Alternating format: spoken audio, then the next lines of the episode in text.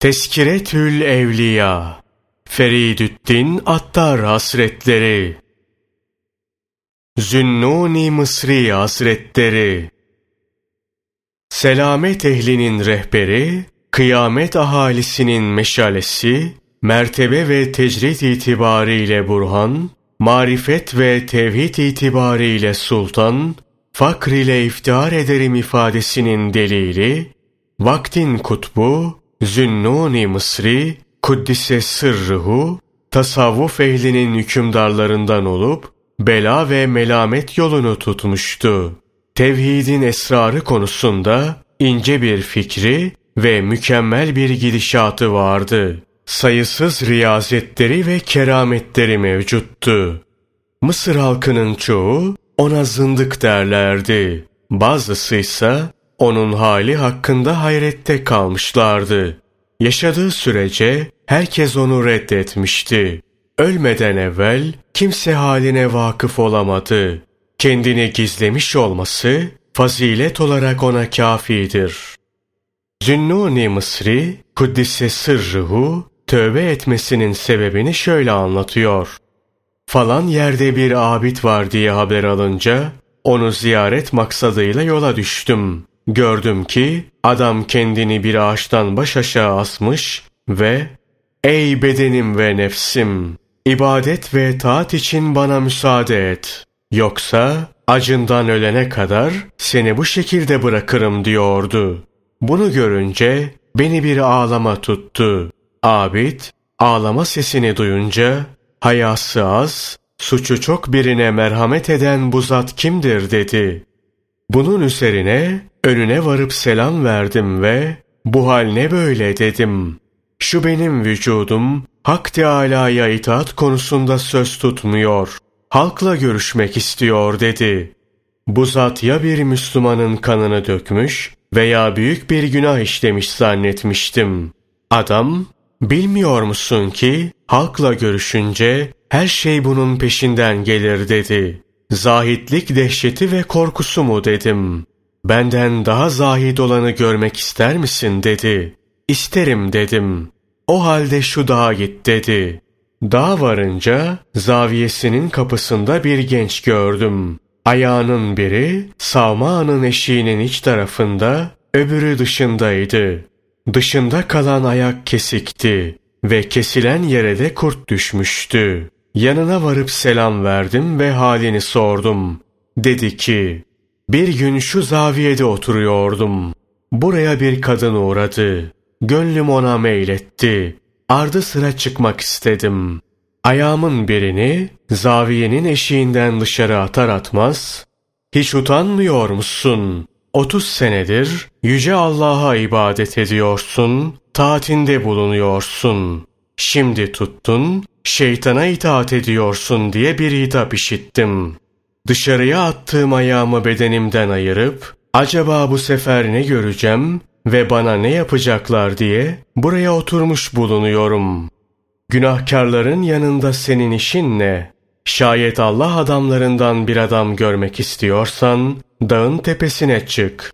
Zünnuni Mısri, Kuddise sırrıhu anlatmaya devamla, yüksek olduğundan dağın tepesine çıkamadım. Ama bu adam hakkında malumat istedim diyor.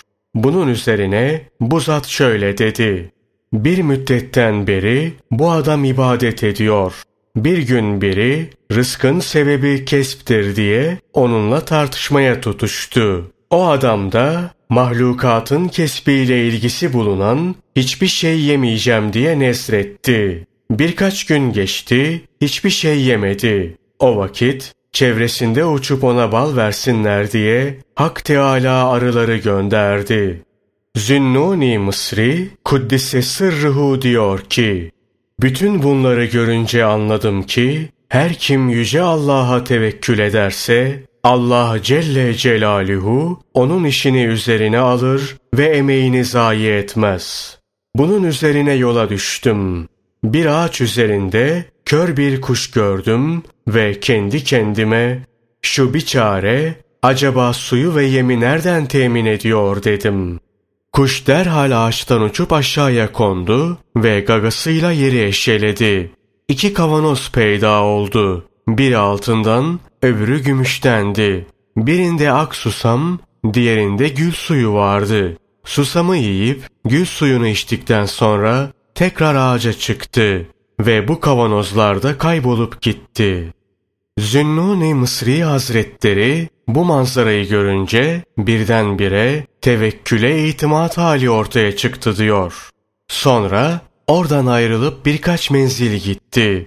Akşamleyin bir harabeye vardı. Burada bir küp altın buldu. Küpün üzerine konulmuş olan tahta üzerinde Yüce Allah Celle Celaluhu'nun adı yazılmıştı. Zünnun-i Mısri Hazretlerinin yaranı altını bölüştürdüler.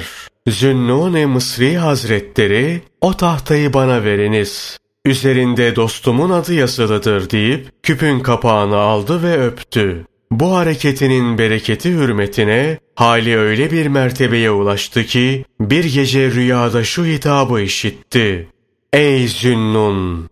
Aziz olduğu için herkes altını ve mücevheratı aldı. Sense bundan daha aziz olanı istedin ve bu benim ismimdir. Biz de mutlaka ilim ve hikmet kapısını sana açacağız. Sonra tekrar şehre geldi. Diyor ki, bir ırmak kenarına vardım.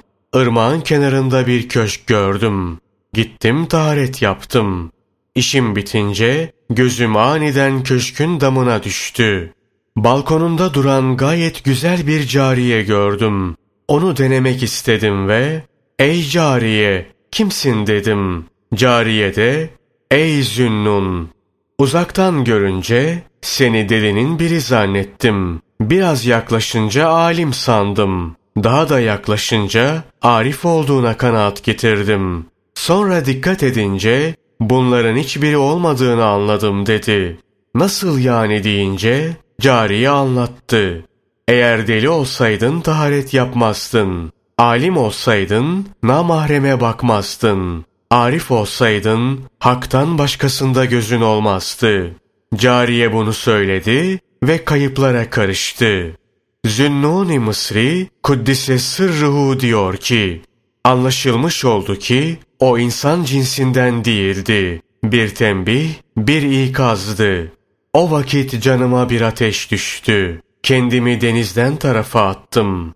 Gemiye binmiş bir cemaate rastlayınca aralarına katıldım. Gemide bulunan bir tüccarın mücevheri kayboldu. Bu mücevherin bende olduğu hususunda herkes ağız birliği etti. Bana işkence yaptıkları ve hakaret ettikleri halde ses çıkarmıyordum. İş sınırı aşınca sen bilirsin Rabbim dedim.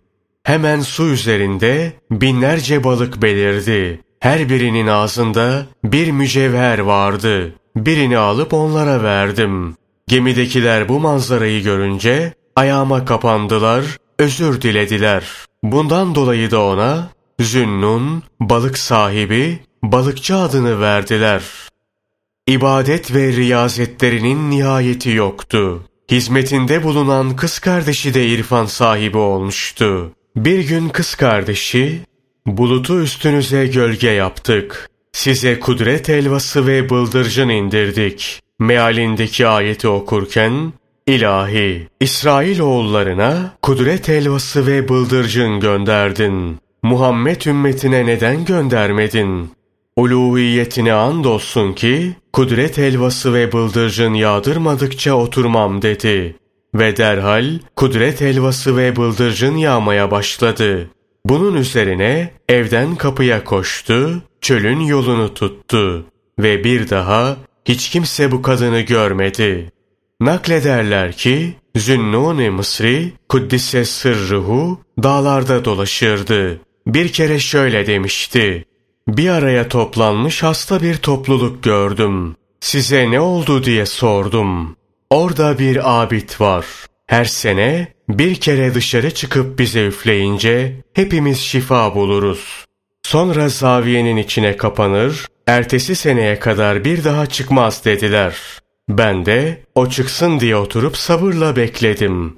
Bir adam gördüm. Yüzü sarı, vücudu zayıf ve gözleri çukurlaşmıştı. Heybetinden daha sallandı. Sonra şefkatli bir gözle bir onlara bir de semaya baktı. Onlara doğru üfledi. Derhal hepsi şifa buldu. Zaviyesine girmek isterken eteğine yapışıp Allah için onların maddi hastalıklarını tedavi ettin, benim de manevi hastalığımı tedavi et dedim. Bana bir göz attıktan sonra, ey Zünnun, elini eteğimden çek ki, dost azamet ve haşmet zirvesinden bakmaktadır. Kendisinden başka birinin eteğine sarılmış olarak görürse, seni ona havale eder, onu da sana dedi ve savma asına çekildi. Naklederler ki, yaranı bir gün onu ağlar bir vaziyette bulmuşlar ve sormuşlar. Ağlamanızı gerektiren şey nedir? Şöyle cevap vermişti. Akşam secdedeyken uyuyakalmıştım. Rüyamda İzzet ve Celal sahibi Allah'ı gördüm. Buyurdu ki, Ey Ebul Feys! Halkı yarattım, on parça oldular. Kendilerine dünyayı sununca, onda dokuzu dünyaya yöneldi. Geriye kalan onda bir de ona bölündü. Cenneti onlara takdim ettim. Onda dokuzu cennete yöneldi. Geriye kalan onda biri de ona bölündü. Cehennemi getirip bunların önüne koyunca onda dokuzu cehennem korkusundan kaçıp dağıldı. Geriye onda bir kaldı. Bunlar ne dünyaya aldanmışlardır, ne cennete meyletmişlerdir, ne de cehennemden korkmuşlardır. Ey kullarım! Siz ne dünyaya baktınız, ne cenneti ümit ettiniz, ne de cehennemden korktunuz. Şu halde ne istiyorsunuz dedim. Bu ilahi hitap üzerine başlarını önlerine eğip, ne istediğimizi sen bilirsin dediler. Şimdi ben, acaba bu kısımlardan hangisine dahilim? Mahrum kalanlara dahil olmayayım diye ağlıyorum. Naklederler ki, bir çocuk, Zünnun-i Mısri, Kuddise Sırrıhu'nun yanına gelip, bana yüz bin altın miras kaldı. Bunu hizmetinizde harcamak istiyorum dedi. Zünnuni Mısri Hazretleri, Bülü ve Rüş çağın geldi mi dedi. Çocuk, hayır dedi. Zünnuni Mısri Hazretleri, o halde senin malını harcamak caiz olmaz. Rüş çağına erişinceye kadar sabret dedi. Sonra çocuk bülü çağına gelince şeyhin önünde eliyle tövbe etti. Altınları da sufilere sarf etti. Elinde hiçbir şey kalmadı. Bir gün mühim bir iş çıktığı için boş para almak icap etti ama bulamadı. O vakit o genç bir yüz bin altınım daha olsaydı onu da bu azizlere sarf ederdim. Ah nerede o paralar dedi. Şeyh bu sözü işitti ve gencin henüz işin hakikatine ermediğini anladı. Çünkü onun nasarında hala dünyanın bir değeri vardı. Genci çağırıp falan attarın dükkanına git. Söyle üç dirheme falan ilacı ve otu versin dedi. Genç gidip ilacı getirdi. Sonra şey bunu havanda es. Yağ bulayıp hamur yap. Ondan üç boncuk yap. Her birini iğneyle delerek getir diye emretti. Genç isteneni yaptıktan sonra şeyhin huzuruna getirdi. Şeyh onu elinde ovaladıktan sonra nefesini üzerine üfledi. Derhal her biri hiç kimsenin eşini görmediği üç yakut verdi. Şeyh gence bunları al pazara götür. Değerini öğren ve getir dedi. Genç pazara gidip bunlara kıymet biçtirdi. Her birine yüz bin altın kıymet biçtiler. Genç geri gelip durumu şeyhe anlattı. O zaman şeyh bunu havana koy, ufala ve suya at gitsin. Şunu bil ki dervişler ekmek bulamadıkları için aç değillerdir. Lakin aç kalmak onların tercihidir dedi. Bunun üzerine genç tövbe etti, kendisine geldi. Gönlünde dünyanın bir değeri kalmadı. Nakledildiğine göre şöyle demişti. 30 sene halkı davet ettim. Ancak bir tanesi gereği gibi Allah Celle Celaluhu'nun dergahına geldi. Bu da şöyle oldu. Bir şehzade bir cemaatle camiden çıkmıştı. Ben de güçlüyle boy ölçüşen bir zayıftan daha ahmak hiç kimse yoktur diyordum. Şehzade bu ne demektir dedi. Anlattım. İnsanoğlu zayıf bir şeydir. Kuvvetli olan Allah Celle Celaluhu'yla boy ölçüşüyor dedim. Bunun üzerine gencin rengi attı, kalktı ve gitti. Ertesi gün tekrar gelip Allah Teala'ya giden yol nedir dedi. Dedim ki bir yol var çok küçüktür.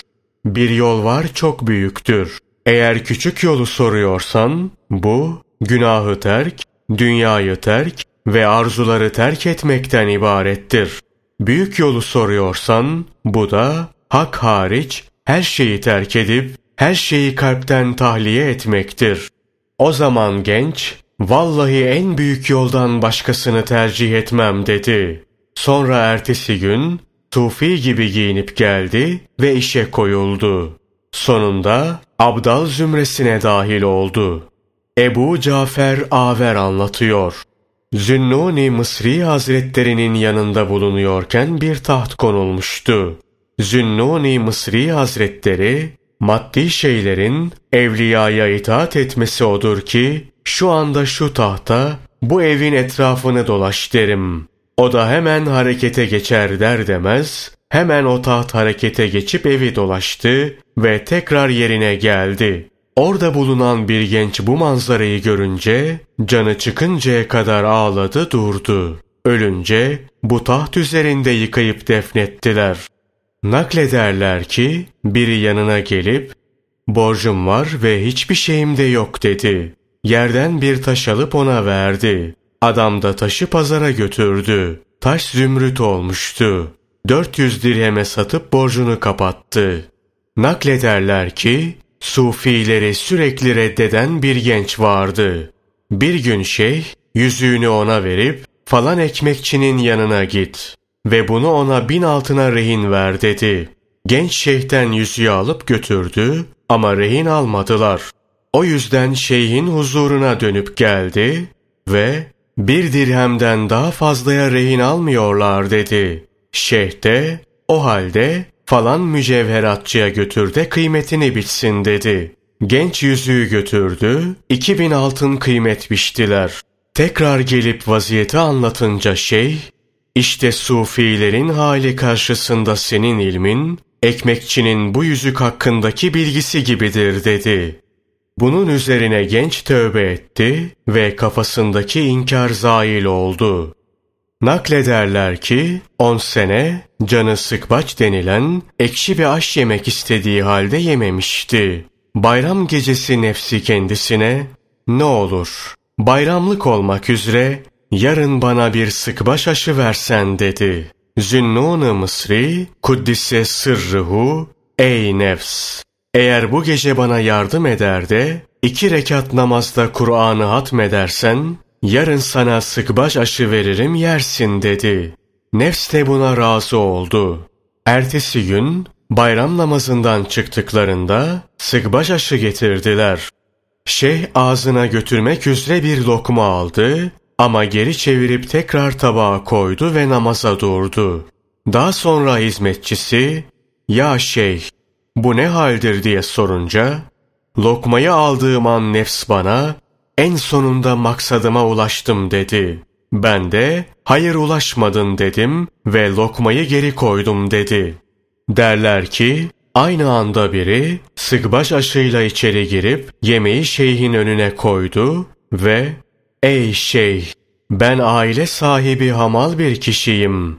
Bir müddetten beri ailem benden sıkbaş aşı istediği halde bu arzularını yerine getirmek elimden gelmiyordu. Derken nihayet bayram akşamı yani dün gece sıkbaş aşı yaptık. Bugün bir ara uyudum. Rüyamda Hazreti Peygamber sallallahu aleyhi ve sellemi gördüm.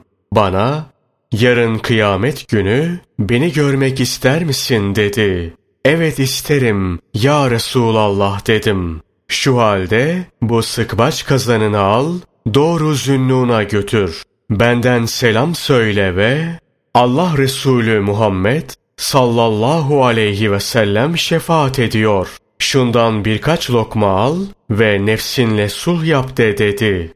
Bunun üzerine Zünnun-ı Mısri Hazretleri ağladı ve emrinin başımın üstünde yeri var dedi. Naklederler ki işi büyüyünce Mısırlılar onu zındık olmakla suçladılar. Zamanın halifesi mütevekkile ahvaline dair bilgi verdiler. Sonra halife bir kişi gönderip onu çağırttı. Ayağına zincir vurdular. Sakın halifeden korkma. Çünkü o da senin gibi Allah Celle Celaluhu'nun kullarından bir kuldur. Yüce Allah dilemedikçe hiçbir şey yapamaz dedi. Zünnuni Mısri Hazretleri daha sonra diyor ki, Yolda süslü ve temiz bir saka gördüm. Bana bir içim su verdi. Yanımda bulunan zata buna bir dinar ver diye işaret ettim. Ama Saka bunu almadı ve sen esir, garip ve ayağında buka bulunan birisin. Senin gibi birinden bir şey almak civan mertliğe sığmaz dedi. Sonra Zünnun'u zindana atın diye emir geldi. Zindana götürdüler. Kırk gün hapishanede kaldı. Bişri Hafi Hazretlerinin kız kardeşi ona her gün bir somun gönderiyordu. Zindandan çıktığı gün yanında kırk somun bulunduğu görüldü. Bişri Hafi Hazretlerinin kız kardeşi, biliyorsun ki bu çörekler helal ve minnetsizdir. Niçin yemediniz deyince, dedi ki, çünkü tabakları temiz değildi. Yani gardiyan elleri vasıtasıyla bana ulaştı. Zindandan çıkarken yere düştü ve alnı yarıldı. Çok kan aktı ama yüzüne, saçına ve elbisesine hiçbir şey bulaşmadı. Yere düşenler de aziz ve celil olan Allah'ın emriyle kaybolup gidiyordu. Sonra onu halifenin yanına götürdüler ve meseleyi ona izah etmesini istediler. O da meseleyi güzelce izah etti. O derece ki halife dahi ona mürit ve mutekid olmuş ve kendisini izzet ve ikramla Mısır'a iade etmişti. Ahmet Sülemi'nin şöyle dediği nakledilir. Zünnuni Mısri Hazretlerinin yanında bulunuyordum. Önüne konmuş altın bir leğen gördüm. Çevresine misk ve amber kokusu gibi hoş kokular salıyordu. Bana bast halinde hükümdarın huzurunda yaktıkları kokuyu böyle yakarlar. Bast halindeki padişahların huzurlarına giren kişilerden misin dedi. İçime korku doldu. Geri dönerken bana bir altın verdi. Ta Belhe gelinceye kadar onu harcadım durdum. Naklederler ki Zünnun-i Mısri Hazretlerinin bir müridi vardı. Kırk kere çile çıkarmış, kırk defa hacca gidip vakfeye durmuş ve kırk sene uyumamıştı. Kırk sene oturup kalp hücresinin bekçisi olmuştu. Bir gün şeyhin yanına gelip dedi ki, Ya şeyh, şöyle şöyle yaptım. Bütün bunlara rağmen henüz dostumuz konuşmuyor. Bize şöyle bir bakmıyor. Bizi hiç kabul etmiyor. Gayb aleminden hiç keşif vaki olmuyor. Bütün bu sözleri kendimi övmek için söylemiyorum. Halimi izah ediyorum. Bütün biçareliğime rağmen gücümün yettiği her şeyi yerine getirmiş bulunuyorum. Allah Celle Celaluhu'dan herhangi bir şikayetim de yok. Yine de aynı şekilde ruhum ve kalbim onun hizmetinde can atmaktadır. Ama devletsiz bir dertten bahsediyor ve bedbahtlık hallerimi hikaye ediyorum. Bunu da haşa gönlüm ibadet ve taatten bıktığı için söylemiş değilim. Lakin korkuyorum ki geriye kalan ömrüm de böyle geçecek. Ömür boyu bir halkaya yapışıp kapıyı çalacağım ve haydi gir içeri diye bir ses işitemeyeceğim. Bu bana çok zor geliyor. Şimdi sen ki dertlilerin tabibisin.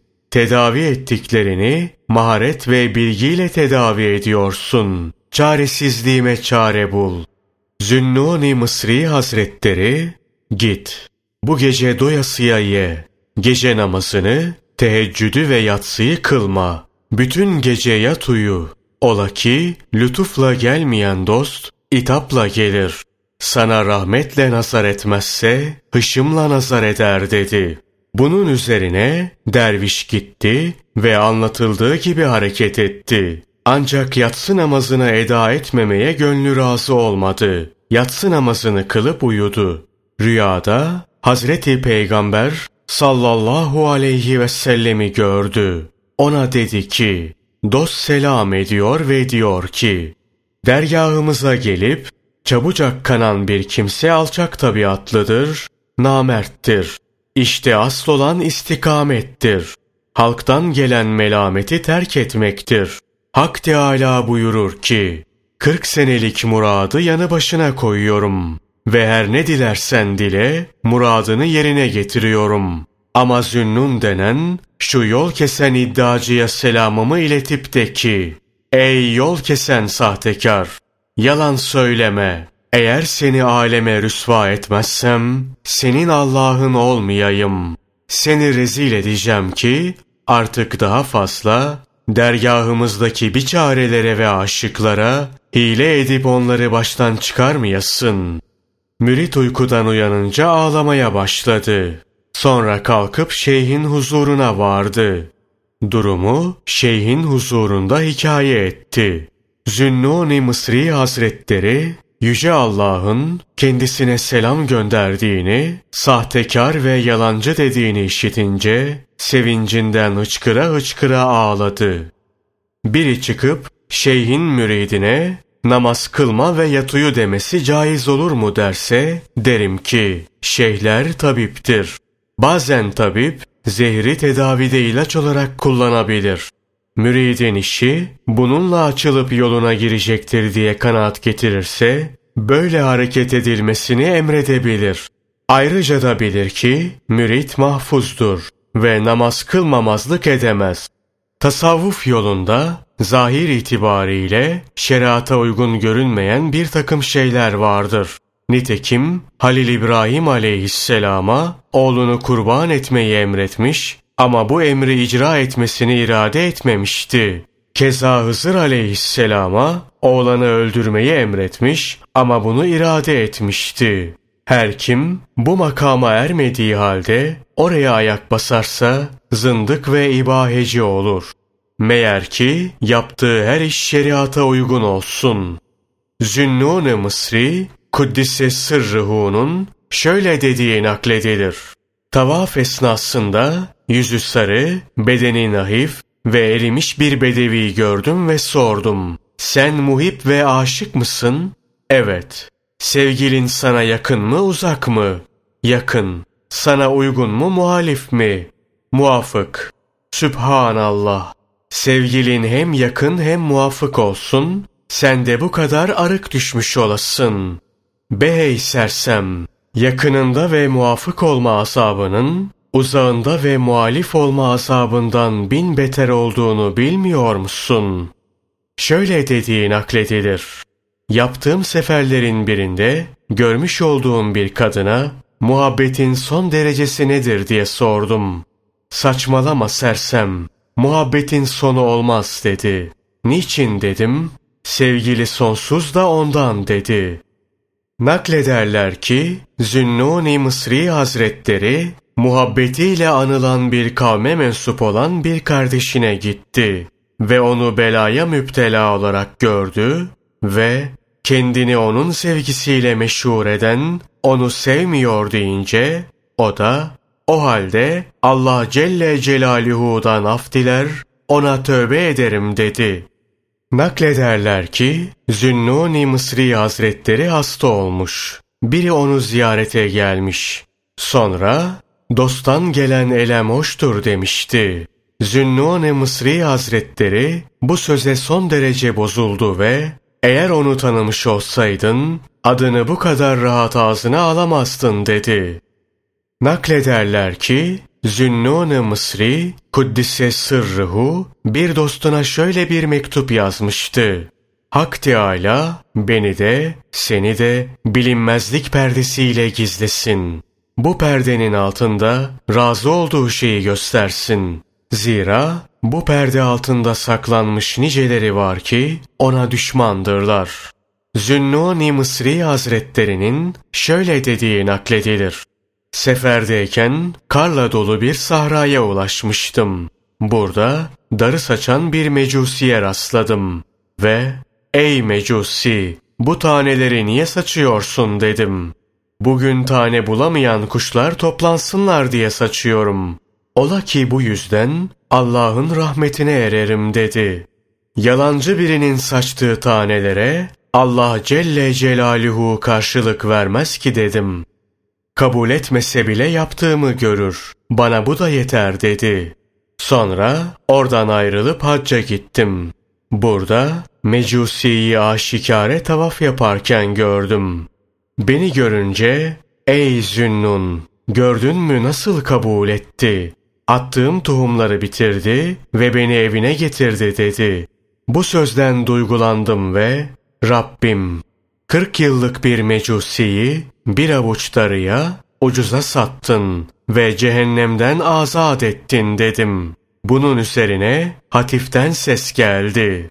Hak Teâlâ birini evine ve huzuruna davet ederse sebep göstererek davet etmez. Sürdüğünü de sebep göstererek sürmez. Ey Zünnun! Hiç uğraşma. Zira irade ettiğini derhal yapanın işi aklınca yaptığın kıyasa sığmaz. Zünnuni Mısri Hazretlerinin şöyle dediği nakledilir. Vefat eden fakir bir dostumu rüyada gördüm ve Allah Celle Celaluhu sana nasıl muamele yaptı dedim. Dedi ki, affetti ve buyurdu ki, seni affediyorum. Sebep şu, bütün ihtiyacına rağmen şu aşağılık dünya ehlinden hiçbir şey almadın. Doya doya yemek yemediğimden ben de ne Allah'a karşı bir günah işleme ne de içimde günah işlemeye kastetme duygusu meydana geldi dediği nakledilir. Namaza durmak istediği zaman şunları söylediği nakledilir. Rabbim, dergahına hangi ayakla geleceğim? Kıblene hangi gözle bakacağım? Sırrını hangi dille anlatacağım? Sermayesizliği, sermaye yaparak dergahına geldim. İş sıkışınca da şaşkınlaştım. Böyle diyor ve durmadan tekbir getiriyordu. Sonra dedi ki, eğer bugün bir dertle karşılaşır ve önüme bir hüzün çıkarsa, varır ona söylerim. Yarın kıyamette başıma bir dert gelecek olursa kime söyleyebilirim?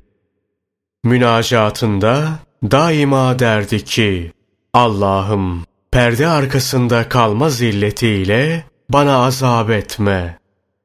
Zünnuni Mısri Hazretlerinin sözleri Tenzih ederim o Allah'ı ki, marifet ehlini, ahiret perdeleriyle de bütün ahiret halkından gizlemiştir.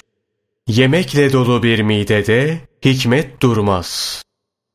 Günahtan vazgeçmeksizin yapılan istiğfar, dedikoducu kadınların tövbesidir. Ne mutlu o kimseye ki, kalbinin şiarı vera olur. Gönlü tamahtan pak bulunur ve yaptığı her işten dolayı nefsini hesaba çeker.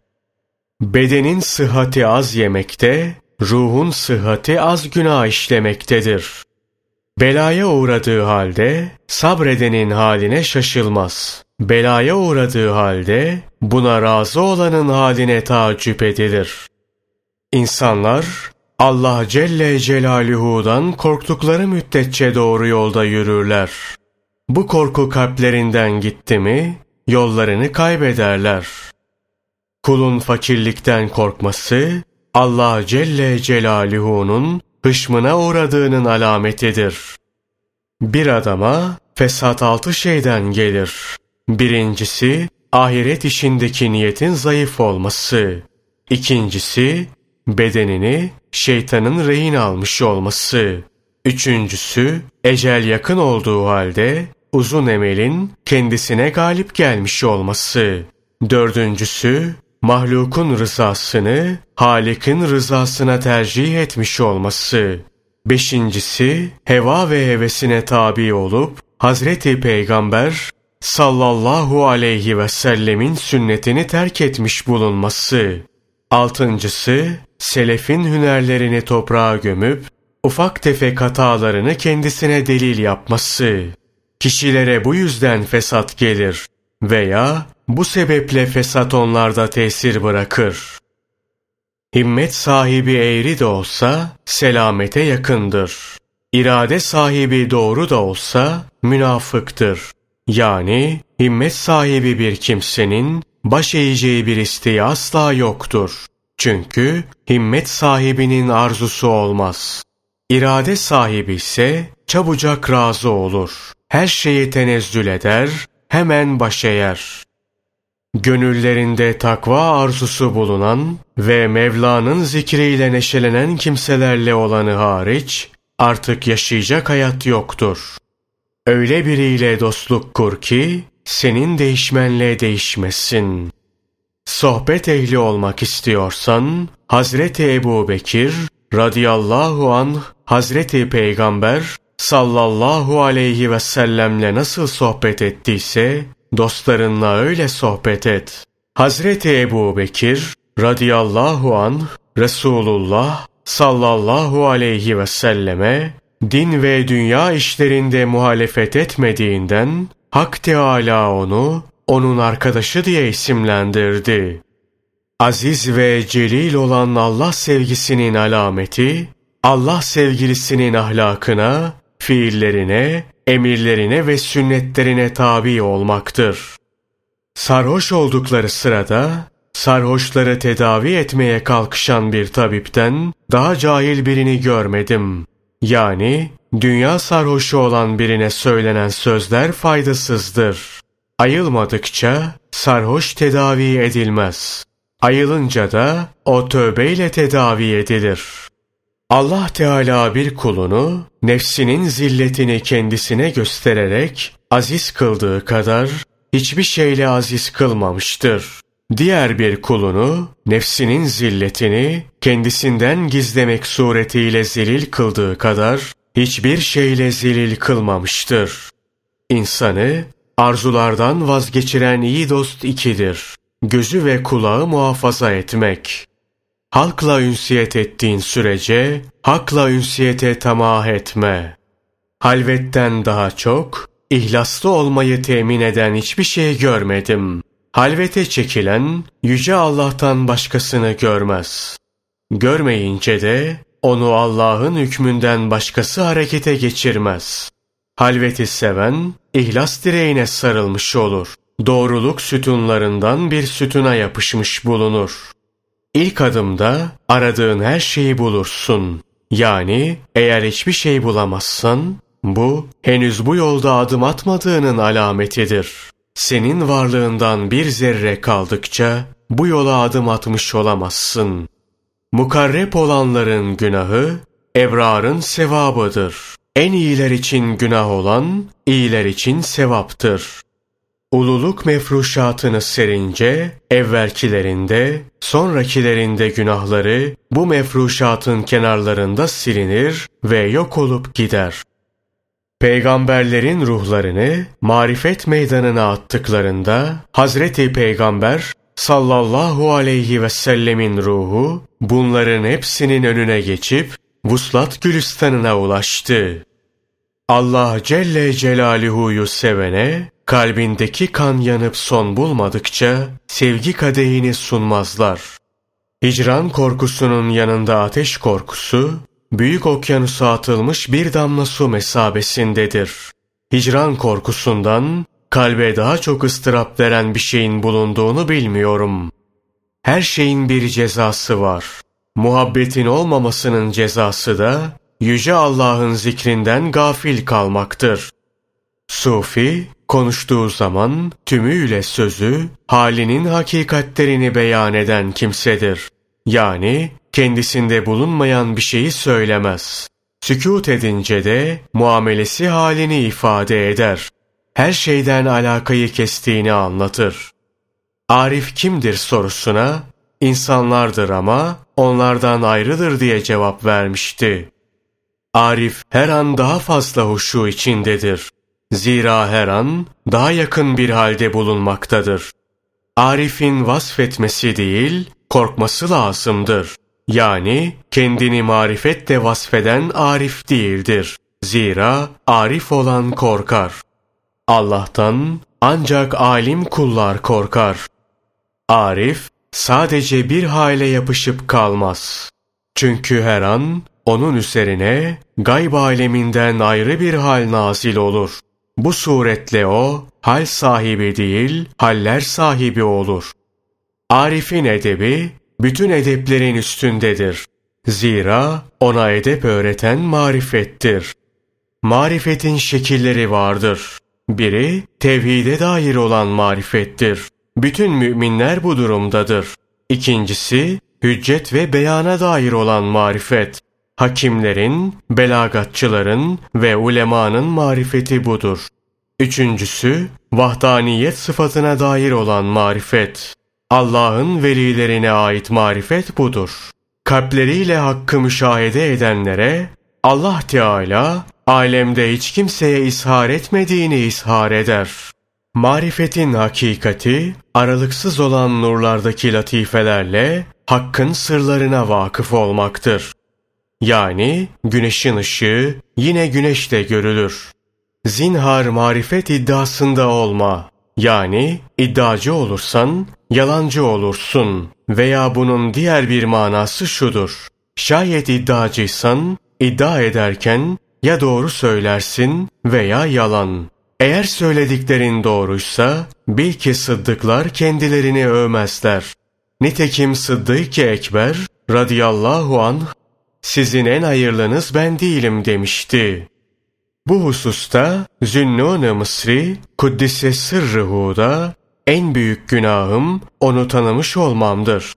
Kul kendini arif-i billah sayarsa varlığını ispat etmiş olur. Kendini görmek en büyük günahtır. Eğer söylediklerin yalansa yalancı arif olamaz. Bunun diğer manası da şudur. O demedikçe sen ben arifim deme. Allah Celle Celaluhu hakkında en çok marifeti olanın Allah Celle Celaluhu karşısında hayreti o nispette fazla olur. Sebebi de şu. Bir kimse güneşe ne kadar yakın olursa o nispette güneşe hayran olur. Nihayet öyle bir noktaya varır ki o, o olmaz. Yakınların çok olur hayreti. Çünkü onlar bilir sultandaki siyaseti. Nitekim Arif'in sıfatı hakkında sorulan bir soruya şu cevabı vermişti. Arif görür ama ilimsiz, gözsüz, habersiz, müşahedesiz, sıfatsız ve perdesiz. Onlar, onlar değillerdir. Onlar, onlarla da değillerdir. Belki onlar ki onlardırlar. Hakla onlardırlar. Onların dolaşmaları hakkın dolaştırmasıyladır.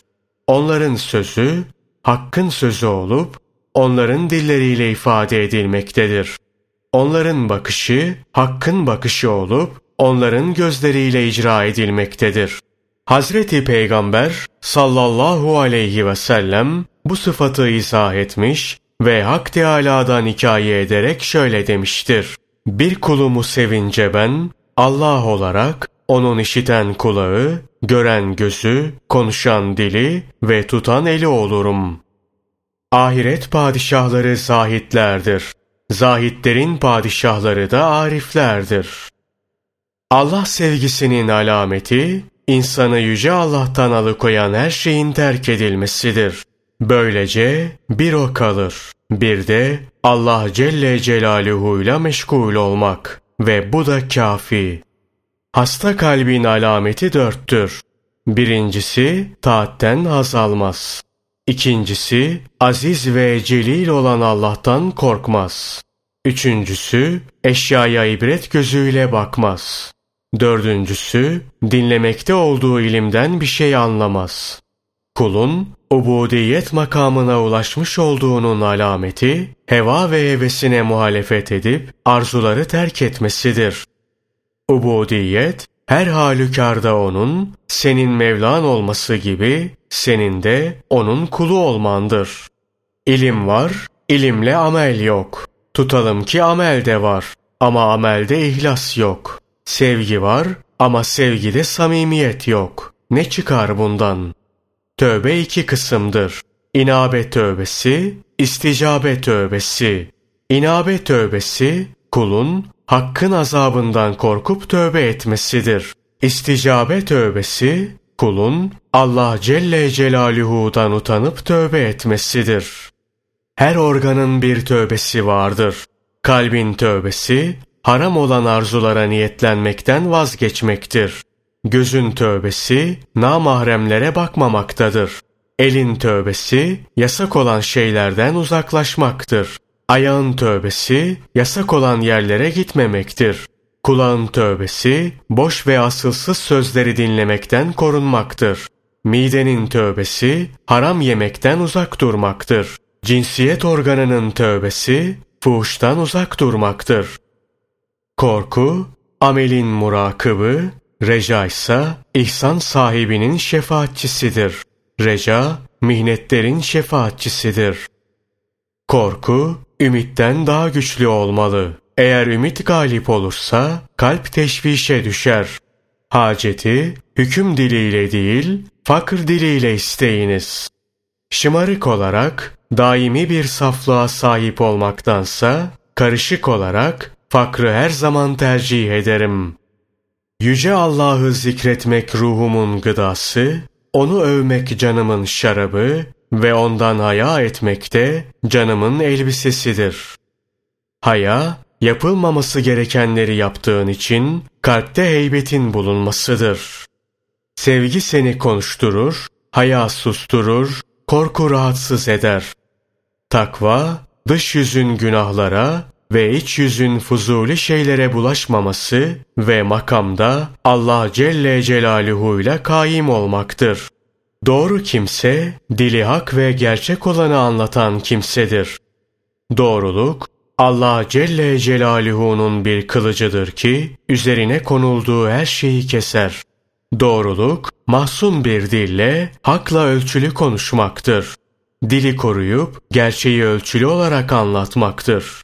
Murakabe, hakkın seçtiğini tercih etmektir. Yani en iyisini tercih etmektir. Aziz ve celil olan Allah'ın ulu tuttuğu şeyi ulu tut. Eğer senden diğer kamlık namına zerre kadar bir şey vücuda getirse, dönüp göz ucuyla dahi ona bakma. Onu hakkın lütfu olarak gör. Kendi işin olarak bilme. Gerek dünyaya, gerekse önemsiz sayılan diğer şeylere iltifat etme. Elini bundan da çek. Ve sözü edilen el etek çekme konusunda da kendini arada görme. Vecd, kalpteki bir sırdır. Sema, haktan gelen bir varit olup, kalbi ona gitmeye zorlar ve ona onu talep etme hırsını verir. Her kim onu hakla dinlerse hakka yol bulur. Her kim nefsle dinlerse zındıklığa düşer. Tevekkül, çok sayıdaki Rablerin itaatinden çıkıp bir tek Rabbin itaatiyle meşgul olmak ve sebeplerle olan ilgiyi kesmektir. Biraz daha izah et denilince, tevekkül, uluhiyet sıfatının dışına çıkmak, kendini kulluk sıfatı içinde tutmak ve bundan da zevk almaktır dedi. Tevekkül, tedbiri terk edip kuvvet ve çareden uzaklaşmaktır. La havle ve la kuvvete illa billah demektir. Üns sahibi, hakkın evliyası hariç, bütün halktan ve dünyadan sıkılır. Evliyaullah ile ünsiyet etmek, hakla ünsiyet etmek demek olduğundan onlardan sıkılmaz. Evliyayı, üns içinde yaşama haline bıraktıkları zaman, kendilerine cennette nurdan bir dille hitap edilmektedir dersin. Heybet içinde yaşama haline bıraktıkları vakitte kendilerine cehennemde ateşten bir dille hitap edilmektedir sanırsın. Allah Teala ile üns halinde bulunanların en aşağı derecesi, onunla üns halinde oldukları halde, ateşte yakılsalar dahi, himmetlerinden bir zerre kaybetmemektedirler. Hakla ünsiyet etmenin alameti, halkla ünsiyet etmemektir. İbadetin anahtarı fikirdir. Ermişlik alameti, nefse, heva ve hevese muhalefet etmektir. Nefse muhalefet, nefsani arzuları terk etmektir. Her kim kalple tefekkür etmeye devam etse ruhla gayb alemini görür. Rıza, kazanın acılığına kalben sevinmektir. Rıza, kazadan evvel iradenin terk edilmesi, kazadan sonra acı duyulmaması ve bela içinde sevginin coşmasıdır. Nefsini en iyi bilen kimdir sorusuna kısmete razı olan diye cevap vermişti. Dürüstlük ve sabır olmadan ihlas tam olarak gerçekleşmez. İhlaslı ve ihlasta devam hali olmadan da dürüstlük tam olarak gerçekleşmez. İhlas, ifsad etmesin diye taati düşmandan korumaktır. Şu üç şey ihlasın alametidir. Halkın övmesini ve yermesini eşit tutmak, ameli görme halini terk etmek ve amelin ahirette herhangi bir sevap getireceğini akıldan çıkarmak. Yalnızken ihlaslı olmaktan daha güç bir şey görmedim. Gözün gördüğü ilme, gönlün bildiği yakine nispet edilir. Yakinin alameti üçtür. İlki, her şeyde hakka bakmak. İkincisi, her işte hakka dönmek. Üçüncüsü, her halükarda ondan yardım istemek. Yakin kanaatkar olmaya, kanaatkar olmak zahid olmaya, zahid olmak hikmete davet eder. Hikmetin semeresi işlerin sonuna bakmaktır. Azıcık yakin dünyadan daha çoktur. Çünkü azıcık yakin kalbi ahiret sevgisine meylettirir ve azıcık yakinle kalp ahiretin tüm melekutunu temaşa eder. Yakinin alameti hayatta halka fazla muhalefet etmek, ikramda bulunmaları halinde halkı övmemek, bulunmadıkları takdirde de kötülememektir. Halkla ünsiyet eden firavunların tahtına yerleşir. Nefsi kendisine gösterilmeyen ihlas makamına yerleşir. Yakini muhafaza edemeyen ihlastan uzak düşer. Bütün eşyadaki nasibi sadece hak olan, hak hariç, elden kaçırdığı şeylere hiç aldırmaz. Çünkü hakkın huzuru elverişlidir. Her iddia sahibi davasıyla hakkı ve hakkın sözünü müşahede etmekten perdelenmiştir. Zira hak, haklığına şahittir. Çünkü Allah Celle Celaluhu haktır. Sözü de haktır. Onun için eğer bir kimse de hak, şahit ve hazırsa o davaya muhtaç olmaz. Gayipse işte dava oradan ileri gelmektedir. Çünkü dava hakla aralarında perde bulunanların alametidir. Üstadına teslimiyet göstermeyen asla mürid olamaz. Bir kimse gönlündeki hatıralarda Allah Celle Celaluhu'yu murakabe ederse, Yüce Allah zahirdeki hareketleri itibariyle onu büyük kılar. Her kim korkarsa Allah Celle Celaluhu'ya kaçar ve Allah Celle Celaluhu'ya kaçan herkes kurtulur. Kim kanaat ederse zamane halkından rahat bulur ve herkesten üstün olur. Tevekkül eden emin ve metin olur. Faydalı işleri ihmal eden faydasız işlerle uğraşır. Yüce Allah'tan korkanın yüreği erir ve Allah Teala'nın sevgisi gönlüne sapasağlam olarak yerleşir, aklı kemale erer. Büyük bir şey isteyen, büyük bir tehlikeye maruz kalır. Ama talep ettiğinin değerini bilenin, gözünde feda edilmesi lazım gelenin değeri küçülür. Bir kimsenin haktan fazla kaygılanmaması, nazarında hakkın fazla önemli olmadığının alametidir. Zahiri, batına delalet etmeyen bir kimseyle sohbet etme. Mabudu zikretme hali varsa, maksut korkusunda gam yeme. Hakiki olarak Allah'ı zikreden, ondan başkasını unutur. Yüce Allah'ın zikri esnasında her şeyi unutan için Yüce Allah Celle Celaluhu her şeyi tas tamam muhafaza eder ve Allah her şeye bedel olur. Allah'ı neyle tanıdın sorusuna Allah'ı Allah'la tanıdım. Halkı da peygamberle diye cevap vermişti. Yani Allah Celle Celaluhu'yu Allah'ın nuruyla tanıdım. Allah Celle Celaluhu yaratıcıdır ve yaratıcı ancak yaratıcıyla tanınabilir.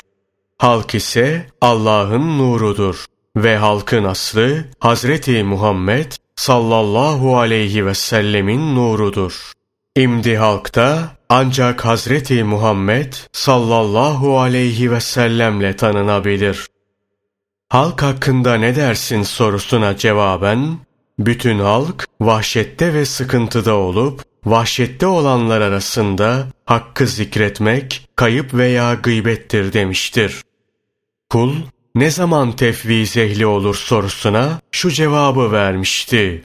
Nefsinden ve fiilinden ümit kesip Yüce Allah'ın dergahına sığındı da, haktan başka hiçbir şeyle ilgisi kalmadı mı, İşte o zaman. Kiminle sohbet edeyim sorusuna cevaben dedi ki, o kimseyle ki mülkü bulunmasın, hiçbir halini inkar etmesin. Ona karşı ne kadar fazla değişirsen değiş, sana karşı değişmesin. Zira dosta en çok muhtaç olduğun zaman en fazla değiştiğin zamandır.'' Allah korkusunun yolu kula ne zaman kolaylaşır sorusuna kendini hastalık uzamasın diye her şeyden perhiz yapan bir hastanın yerine koyduğun vakit cevabını vermişti. Kul hangi sebeple cenneti hak eder sorusuna şu cevabı verdi.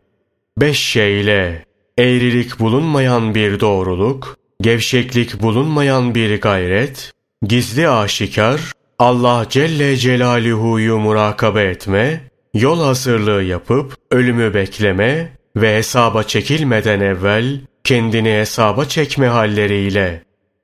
Allah korkusunun alameti nedir diye sorduklarında, bu korkunun kişiyi diğer bütün korkulardan emin kılmasıdır demişti.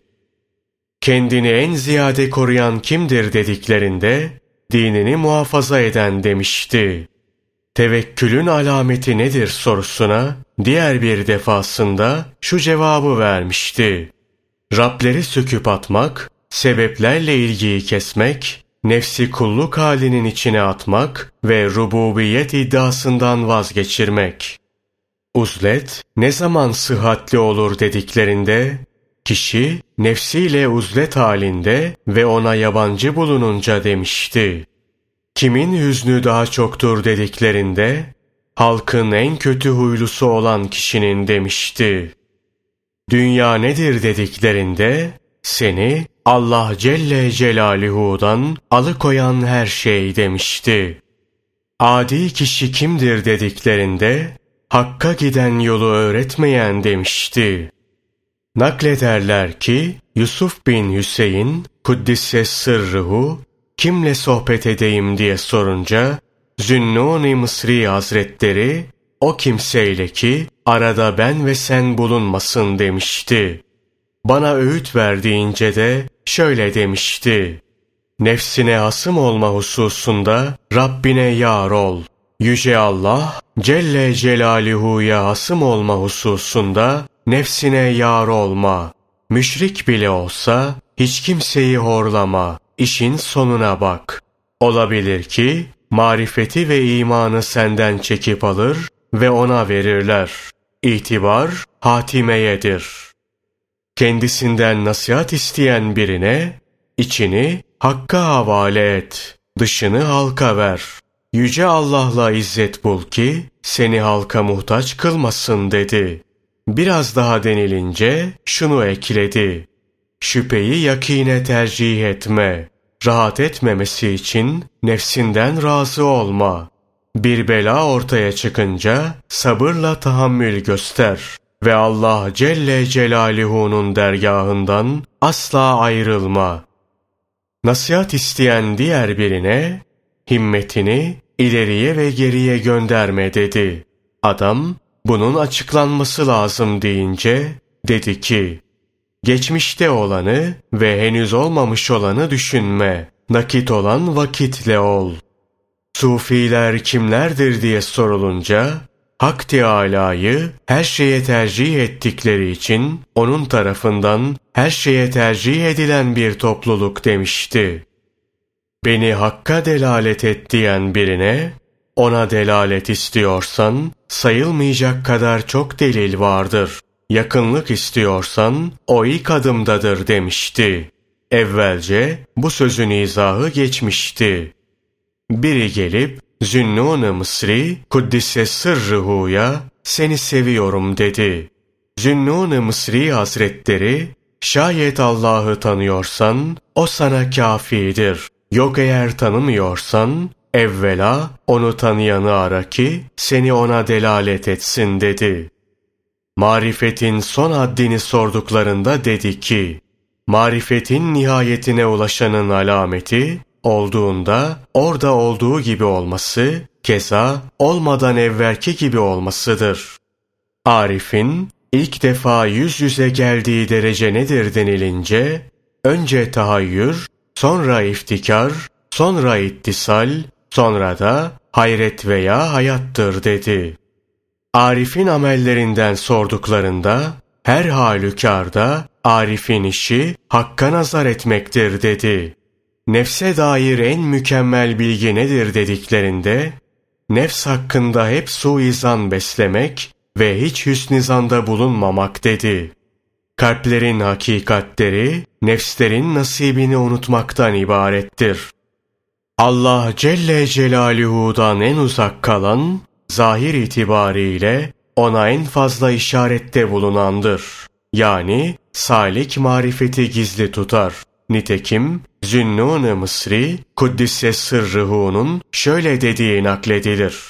Tevhidde, tefritte ve teyitte 70 yıl yürüdüm ve bütün buralarda zandan başka bir şey elde edemedim. Naklederler ki ölüm döşeğine düşünce ne arzu edersin diye sorduklarında bir lahzada olsa ölmeden evvel onu tanımak dedi ve şu beyti okudu. Beni Allah korkusu hasta etti, özdemi de yaktı. Beni sevgi kül etti, Allah da diriltti. Bir gün kendinden geçmişti. Yusuf bin Hüseyin bu halde bana nasihat ettiğince Öyle birinin sohbetinde bulun ki, zahirinde selamet bulasın. Onu görmek, sana Allah Celle Celaluhu'yu hatırlatsın dedi. Can çekişme esnasında, bize nasihat et diyenlere, beni meşgul etmeyiniz. Çünkü lütfunun çokluğundan hayrette kalmış bulunuyorum dedi ve vefat etti. O gece yetmiş kişi gördükleri rüyada Hazreti Peygamber sallallahu aleyhi ve sellemin şöyle dediğini işitmişlerdi. Hak dostu Zünnun gelecek, onu karşılamaya gidelim. Vefat edince yeşil bir hatla alnına, bu Allah Celle Celaluhu sevgilisidir. Allah Celle Celaluhu'nun sevgisinden öldü.